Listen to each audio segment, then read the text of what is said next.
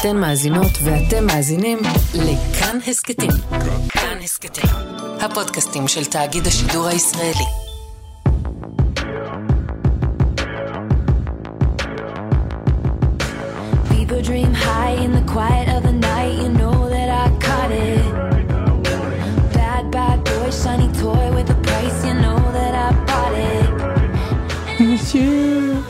Shaping things blue. אמיצי? כן. היי. היי, מה קורה? מעניינים. בסדר גמור. תגיד, מה, מה, מה אתה עושה? אה, סתם, אפשר לעצמי, אתה יודע, as one does. כמו שאני עושה תמיד. אוקיי. אה, תגיד, יש לך מושג מה, על מה הפרק הבא שלך בחיות כיס? אה, כי יש כל מיני דברים שרציתי לדבר איתך עליהם. נכון, נכון, היה הורדת הדירוג, אנחנו צופים מעתה במשק בעקבות המלחמה. יש, אה, כן, יש הרבה נושאים. האמת שרציתי שנחשוב קצת מחוץ לקופסה. אוקיי, מה חשבת? אני חושב שיש איזה פתרון שלא מספיק מדברים עליו לכל הבעיות שאנחנו חווים עכשיו בכלכלה הישראלית. אוקיי, קדימה, תן לי את זה. אתה מוכן? אמ, כן. אוקיי, אני מקווה שזה לא too much למאזינים שלנו, כי זה באמת צריך לחשוב מחוץ, נו, לקופסה. אמיצי, דבר כבר. אוקיי. טיילור סוויפט. לא הבנתי. מה, מה טיילור סוויפט? אני חשבתי שאני לא מעודכן. תומר, אתה יודע שזמרת הפופ עם נגיעות הקאנטרי טיילור סוויפט היא האומנית הכי רווחית בעולם כרגע? כן, שמעתי על זה משהו, אבל איך זה קשור לחיות כיס? אוקיי, אתה יודע שיש לה מגע זהב? מה הכוונה? אוקיי, טיילור סוויפט כרגע בסיבוב הופעות שנקרא Eras, או עידנים בשפתנו היפה עברית. וסיבוב ההופעות הזה כל כך רווחי, שאפילו הבנק המרכזי של ארה"ב ציין אותו באחד הדוחות שלו כבוסט מאוד משמעותי לכלכלה ולתיירות. העיר פילדלפיה למשל, חוותה את השיא שלה מאז הקורונה רק בזכות ההופעה של טיילור סוויפט בעיר. אוקיי, עדיין לא הבנתי איך זה קשור אלינו, לכלכלה הישראלית, למלחמה. תומר, אנחנו צריכים להביא את טיילור סוויפט לארץ. אה, כן, ברור שהיא תבוא. בטח החבר שלה, ברונו מרס, שעוד מנסה להבין מה קרה להופעה שלו ב-7 באוקטובר, ימליץ לה על זה. תחשוב על זה תומר, הופעה אחת של טיילור סוויפט בארץ וזהו, סגרנו את הגירעון, תמרצנו את הכלכלה. אני לא בטוח שזה יעזור לעליית מחירים, אבל זה יסגור לנו הרבה פינות פה. לא הבנתי, על זה הפרק שלנו בחיות כיס? על זה הפרק שלנו בחיות כיס, בואו נתחיל. Oh.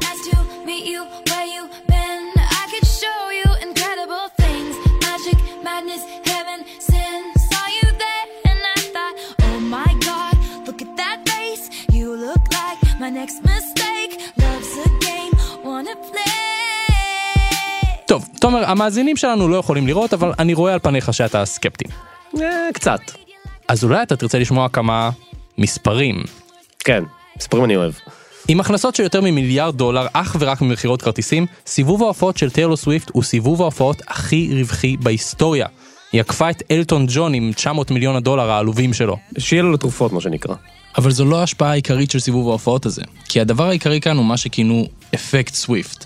הבוסט הכלכלי שהופעה של טיילור סוויפט יכולה לעשות בעיר מסוימת. זה יכול להתבטא בחדרי מלון שנחטפים במהירות, או במסעדות וחנויות שפתאום מקבלות כמות עצומה של מבקרים בבת אחת שגם ככה באו ליהנות ולהוציא כסף. הסכומים נעים בין 40 עד 50 מיליון דולר של תוספת לפעילות כלכלית בערים כמו קנזס או סינסנטי, עד ל-320 מיליון דולר בלוס אנג'לס. 320 מיליון דולר, זה קצת פחות מהתקציב השנתי של משרד הפנים. אתה מבין? אני מבין, והאמת שקצת שמעתי על זה, אוקיי? אבל עדיין לא הבנתי למה דווקא טיילור סוויפט, שהיא אחלה והכל, אבל למה היא הפכה להיות כזאת תופעה ענקית? אוקיי, תומר, אתה לא היחיד ששאל את השאלה הזאת, ולכן אנחנו צריכים לספר את הסיפור של טיילור סוויפט.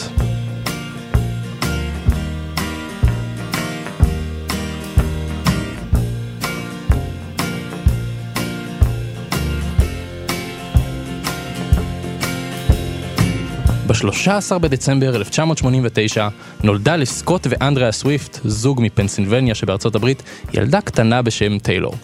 גם סקוט וגם אנדריאה היו אנשי עסקים במקצועם, אבל עוד כשהיא הייתה בת תשע, טיילור החליטה שהיא רוצה להיות מוזיקאית. למרות שהעתיד יוכיח שגם היא תהפוך להיות אשת עסקים מאוד מוצלחת.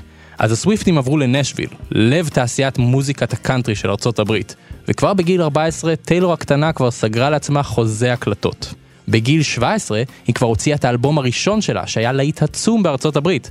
בעיקר בגלל שטיילור קידמה אותו עוד ב-2006 דרך רשתות חברתיות. 2006? איזה רשתות חברתיות היו ב-2006? אני זוכר שפייסבוק התחילו כזה בארץ 2007. היא קידמה אותו במייספייס ובסמסים. וואו, אס.אם.אסים, כמו חברת כנסת בפריימריז. יפה. כן, אם יש משהו שכבר אפשר להסיק לגבי טיילור, זה שללא ספק יש לה ראש שיווקי. אז זאת הייתה רק ההתחלה, וטיילור המשיכה להוציא אלבומים מצליחים אחד אחרי השני, ותוך כדי עשתה מעבר הדרגתי מקאנטרי, לקאנטרי פופ, לפשוט פופ. כן, מתי היה Shake It Off? אני, דווקא את זה אני זוכר, זה לא היה קאנטרי.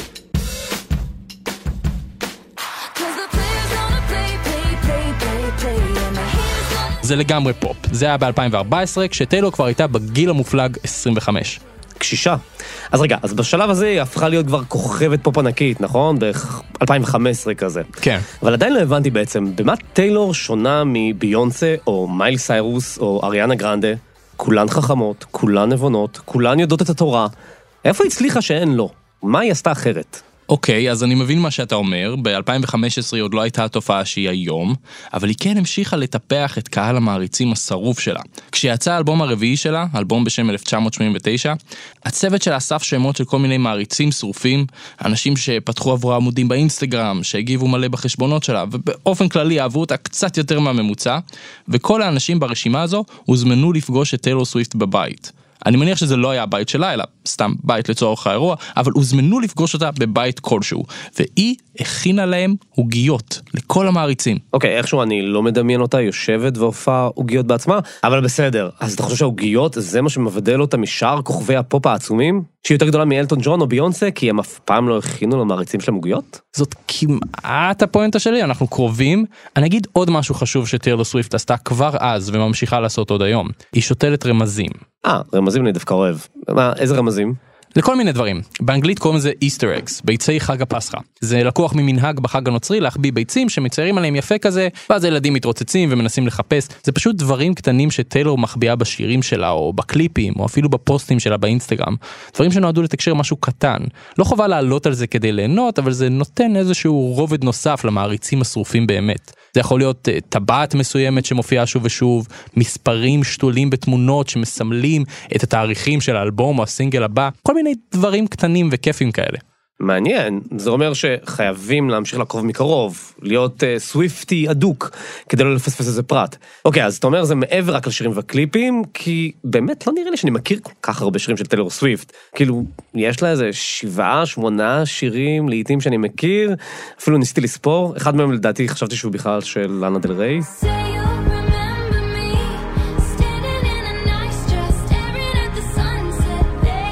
כן, זה קצת דומה, הם גם עשו דואט ביחד. תראה, יש לה מספר מכובד של להיטים, אבל אתה צודק בקטע שאתה כנראה לא תלך לחתונה או למסיבה ומישהו ישים שיר שלה. אלא אם כן זה חתונה בטנסי. יכול להיות. בעיניי, עם כל הרמזים שהיא שותלת והמילים של השירים שלה, טיילור סוויפט היא יותר כמו סדרה ממש ממש ממכרת.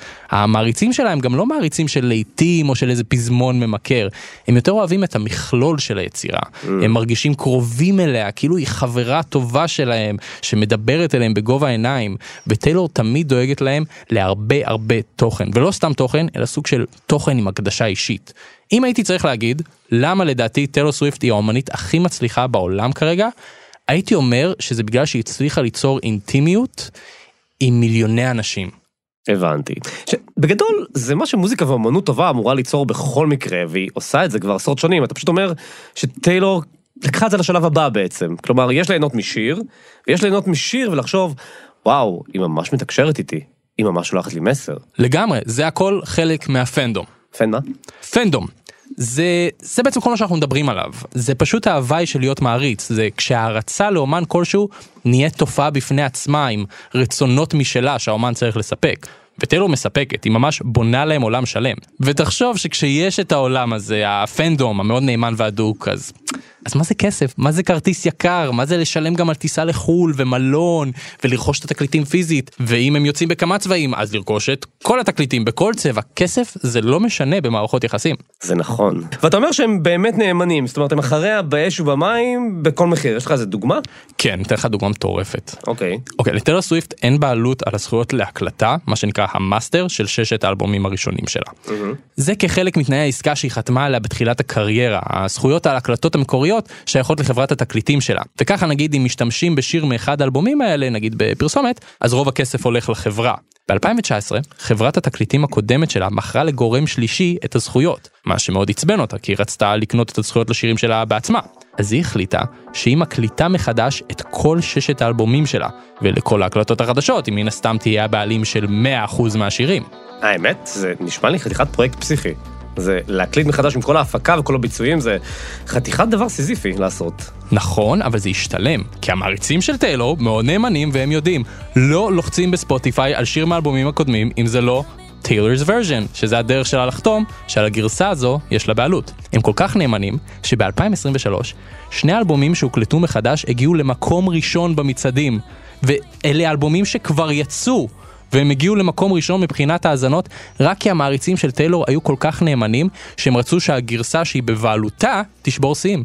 תשמע, זה נאמנות מטורפת. אני לא יודע מי היה נאמן אליי כל כך, אולי חוץ מהכלבה שלי. אתה חושב שאנחנו גם יכולים לעשות את זה עם הקהל שלנו פה בחיות כיס? כן, כל מי שמאזין לנו לגרום לפרק הזה להיות מקום ראשון במצעדים. לשמוע, לשמוע, לשמוע. כן. אגב, בגלל שכל מה שקשור בטיילור סוויפט יש לו השלכות כלכליות עצומות, אז אחרי שהיא עשתה את זה והקליטה מחדש את השירים שלה, חברות תקליטים ברחבי העולם התחילו להוסיף סעיפים בחוזים של האומנים החדשים שלהם, שאסור להם להקליט מחדש את השירים שלהם עד לפחות עשור אחרי שהם יצאו. וואו, זה אפקט טיילור סוויפט, מה שנקרא. אני זוכר גם שהיא כתבה אז איזה מכתב פתוח לאפל על זה שהם עושקים אותה, על מה זה היה? כן, אפל החליטו ב-2015 שהם נותנים שלושה חודשים חינם למשתמשים לתקופת התנסות באפליקציית המוזיקה שלהם, אפל מיוזיק. מי שאגב רוצה לשמוע עוד על מודל התמלוגים לאומנים בכל פלטפורמות הסטרימינג, מוזמן להאזין לפרק שלנו מרוויחים אגורות בספוטיפיי. כן, מודל מאוד נדיב, יש להגיד. מאוד נדיב. אבל הם החליטו שאם הם לא מקבלים מהמאזינים כסף, הם לא יחשיבו את ההאזנות שלהם לתמלוגים לאומנים. כלומר, הם לא ישלמו לאף אומן שהאזינו לו במנוי שהוא חינם. וטיילור לא אהבה את זה. בעצם כל המוזיקאים לא אהבו את זה, אבל לטיילור יש קול יותר גדול. אז היא כתבה להם מכתב פומבי, והם התקפלו. טוב, האמת שזה די ראוי להערכה, היא ממש הכתיבה מחדש את הכללים. זו דוגמה טובה, אני מניח, לילדות צעירות, לעמוד על הזכויות שלהן ולהתעקש. תן לי עוד קצת מהאפקט של טיילור סוויפט על תעשיית המוזיקה. תשמע, אני יכול לתת לך עוד מלא, אנחנו נהיה פה כל היום, אבל אתן לך עוד אחד די משוגע. יאללה. למשל, ביום שבו נפתחה מכירה מוקדמת לכרטיסים לסיבוב ההופעות הנוכחי, עידנים. האתר טיקטמאסטר, שהיה האתר היחיד שהיה ניתן לקנות בו כרטיסים, קרס מרוב ביקוש. שלושה וחצי מיליון איש רכשו שני מיליון וארבע מאות אלף כרטיסים. עכשיו, אם זה היה קורה לאומן אחר, כנראה שזה היה עושה קצת רעש ממעריצים ממורמרים שלא הצליחו לקנות כרטיס. פה? זה הוביל לחקירה של משרד המשפטים האמריקאי ולשימוע בסנאט. עודף החשיפה התקשורתית של הסיפור הזה גרם לכך שהוטל זרקור על אתר טיקטמאסטר, וכולם פתאום שמו לב יותר שהוא בעצם מהווה מונופול בתחום כרטיסי ההופעות בארצות הברית, ובגלל זה הוא יכול להרשות לעצמו להציע שירות גרוע ולחייב בעמלות סתמיות, כי למעריצים אין ברירה. ובסוף אפילו הנשיא ג'ו ביידן נכנס לסיפור הזה והודיע שהוא גרם לכך שטיקטמאסטר התחייבו למשל שהם לא יוסיפו עמלות במעמד החיוב בקניית כרטיסים. טוב, מזל שיש את אה, טיילור סוויפט. מצד אחד, כל הכבוד שזה גרם לשינויים, מצד שני זה נשמע לי קצת לא פרופורציונלי, התשומת לב הזאת. זאת אומרת, רק בגלל שזה טיילור סוויפט, אז נשיא ארצות הברית יתערב פה? זה האפקט, תומר, זה האפקט. וזה מה שמוביל אותנו לאפקט הסוויפט הכי גדול, שקצת הזכרנו בהתחלה. הזינוק בכלכלה שעיר או מדינה חווה כשטיילור מגיעה. לפי מחקר של האתר QuestionPro שצוטט במגזין פורצ'ן, סיבוב ההופעות Eras הזניק את הכלכלה האמריקאית בכחמישה מיליארד דולר, שכוללים עלייה בביקוש למלונות, לנסיעות באובר, למסעדות, לבגדים וצמידים, וכל מה שקשור אפילו קצת להופעה של טיילור סוויפט. תומר, אתה חייב להבין כמה טירוף טיילור סוויפט אוחז עיר כשהיא מגיעה אליה. אי אפשר להשיג חדר בשום מקום. כל המסעדות פתאום מחליטות למכור אוכל עם שמות של שירים של טיילור סוויפט. בתי קפה מתחילים למכור עוגיות טיילור סוויפט. זה טרפת, זה שגעת. כן, האמת שראיתי כמה סרטונים כאלו, למשל שמעריצים שלא משיגים כרטיסים להופעות שלה, ופשוט עומדים מחוץ לאצטדיון עם אלפי אנשים, ושרים את השירים ממה שהם שומעים בתוך האצטדיון, וגם אם לא השגת כרטיסים להופעה, עדיין יש פסטיבל טיילור סוויפט בעיר, שזה הקטע מטורף. Pressed up against a security barrier outside the MCG, thousands of ticketless Swifties making sure they didn't miss out on the Eras tours. האמת, אני אפילו מכיר את זה קצת מקרוב. לי, המפיקה שלנו פה בחיות כיס, היא הצליחה לקנות כרטיסים להופעה שלה בפולין, בקיץ. וזה מה שקרה לה הרגע אחרי. אז פגשנו חברות והם אמרו לנו שיש כרטיסים להופעה של טיילור סוויפט במחיר יחסית נוח. זרמנו על זה, אנחנו לא מעריצות כל כך גדולות של טיילור סוויפט, אבל זה הייתה נראית כמו הזדמנות ממש טובה. אז באנו לבדוק טיסות ומלונות, וזה ורשה, אז תיארנו לעצמנו שזה יהיה זול, כי ורשה זאת עיר ממש זולה, וההופעה הייתה במרחק של שנה. ופתאום נתקלנו במחירים ממש מטורפים, 700 דולר טיסה ו-300 דולר ללילה, וכמעט לא היה מקום. מלון בסוף הצלחנו לסגור, אבל טיסות הזמנו עם קונקשן ב-500 דולר, וגם אותם ביטלו לנו בגלל המלחמה. אז כרגע אנחנו עדיין מחפשות טיסה, המחירים לא ממש יורדים, והסיפור הזה כנראה יצא לנו כמה אלפי שקלים. מסמך אנושי מזעזע. לגמרי. טוב, שנייה, אז בסדר, טיילור סוויפט מזניקה כל מקום שמגיעה אליו, ולפי הערכות, ההשפעה של הסיבוב הופעות הזה על התל"ג של ארה"ב תהיה חמישה מיליארד דולר, וזה כולל כרטיסים, הוצאות נסיעה, כל מה שהזכרת. וזה באמת מטורף, זה יותר מהכלכלה של כמה מדינות קטנות. ועדיין זה רק 0.04% מהתל"ג החצי שנתי של ארה"ב בסך 13 טריליון דולר. בקיצור זה יפה, אבל נראה לי אנחנו קצת מגזימים. אנחנו לא אלה שיכולים להגזים או לא להגזים, ברור שזה כלום לעומת הכלכלה של ארצות הברית וכל התל"ג שלה, אבל מדובר בבן אדם אחד, בכוכבת פופ, תראה מה היא עשתה. בסדר, בסדר, בסדר. טוב, אני אגיד לך את האמת, אני פשוט תוהה, ו sorry שאני פה פרקליטו של השטן שוב, אני פשוט תוהה עד כמה חלק מהאפקט הזה של טיילור סוויפט קשור לטיילור סוויפט, וכמה הוא, איך אני אגיד את זה בעדינות? בועה. נכון, יש לה את השיר הזה, Blank Space. And I'll write your name. בטח שיש לה השיר הזה שיר מעולה. אה, מסכים. אז אני קצת תוהה אם התנועה הכלכלית הפוליטית שטיילור סוויפט יוצרת, האפקט המטורף הזה שהזכרת, הוא קצת כמו השיר הזה, זה כבר לא קשור לטיילור סוויפט עצמה, אלא לאיזה סוג של תופעה שמזינה את עצמה לרמות בלתי הגיוניות. זאת אומרת, יש לך פה שטח ריק, תשים עליו טיילור סוויפט, אנשים ירוצו ויקנו. זאת אומרת, זה לא משנה מה היא תעשה, גם אם תמכור עכשיו לימונדה בכוס קלקר, זה מיד יהפוך ללהיט ענקי. זה סוג של כדור שלג שמתגלגל, ואנשים רוצים לעשות עליו כסף. אז הבינו את זה. שמע, יכול מאוד להיות וקשה להפריד מה גרם למה בכל התגלגלות כדור השלג הזה.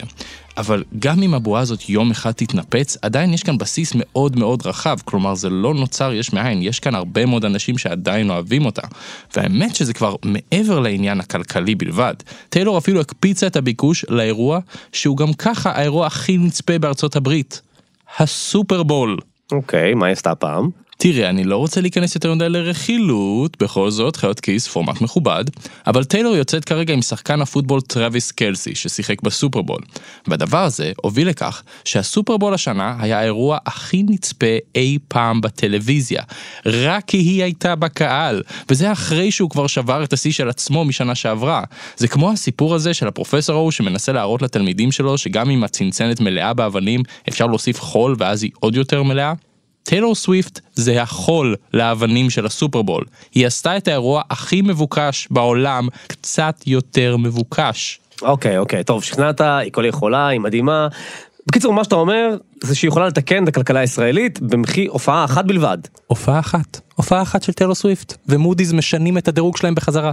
אני בטוח. אנחנו סוגרים את הגירעון, הופעה אחת. איפה, בלייב פארק ראשון? אנחנו נמצא מקום. אתה מבין מה ההופעה שלה יכולה לעשות פה?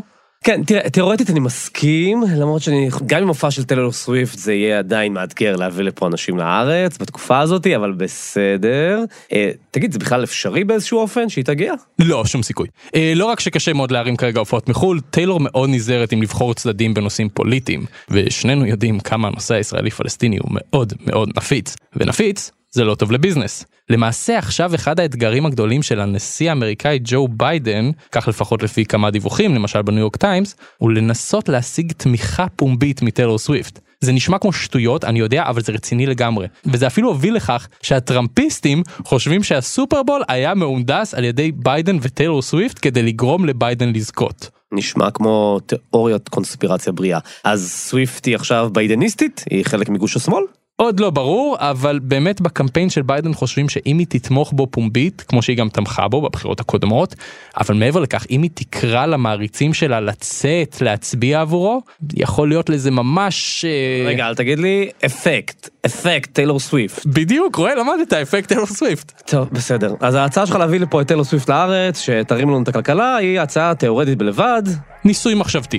אבל זה לא אומר שאני לא יכול לקוות. זה לא אומר שאנחנו לא יכולים לקוות.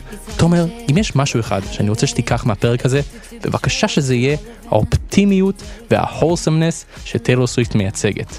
אתה מכיר עוד תנועה כלכלית כזו גדולה שמבוססת על קהילה שאוהבת לדבר על רגשות ולשים צמידי חברות? זה ממש יפהפה. מקסים, התרגשתי. טוב, ובנימה אופטימית זו, אתם ואתן האזנתם לכיסון, פרק קצר ואקטואלי מבית היוצר של חיות כיס, ההסכת הכלכלי של כאן. עורך חיות כיס הוא אני, תומר מיכלזון, עורכת הסאונד שלנו היא רותם דויטשר, המפיקה שלנו היא ליהי צדוק, שגם תראה את טיילור סוויפט בקיץ. כל הפרקים של חיות כיס זמינים להאזנה בכל יישומוני ההסכתים ובאתר כאן. כל השירים של טיילור סוויפט, כולל הגרסה של טיילור לששת האלבומים הראשונים שלה, זמינים בכל פלטפורמות הסטרימינג. אנחנו נחזור ביום שני עם עוד פרק של חיות כיס, וטיילור תחזור בעתיד עם אלבום חדש בשם The Tortured Poets Department. וואו, אמיצי, אני באמת מקווה בשבילך שהיא תשמע את זה. תודה תומר מיכלזון, ואני מקווה בשביל כל המדינה שהיא תשמע את זה. תודה מיוחדת מאוד אגב, לאמיר ימיני שיצר את השלט שלנו שאתם יכולים לראות ב social שלנו, ולכל קהילת ה Swifties בארץ. וכמובן, תודה לכם ולכן שהאזנתם.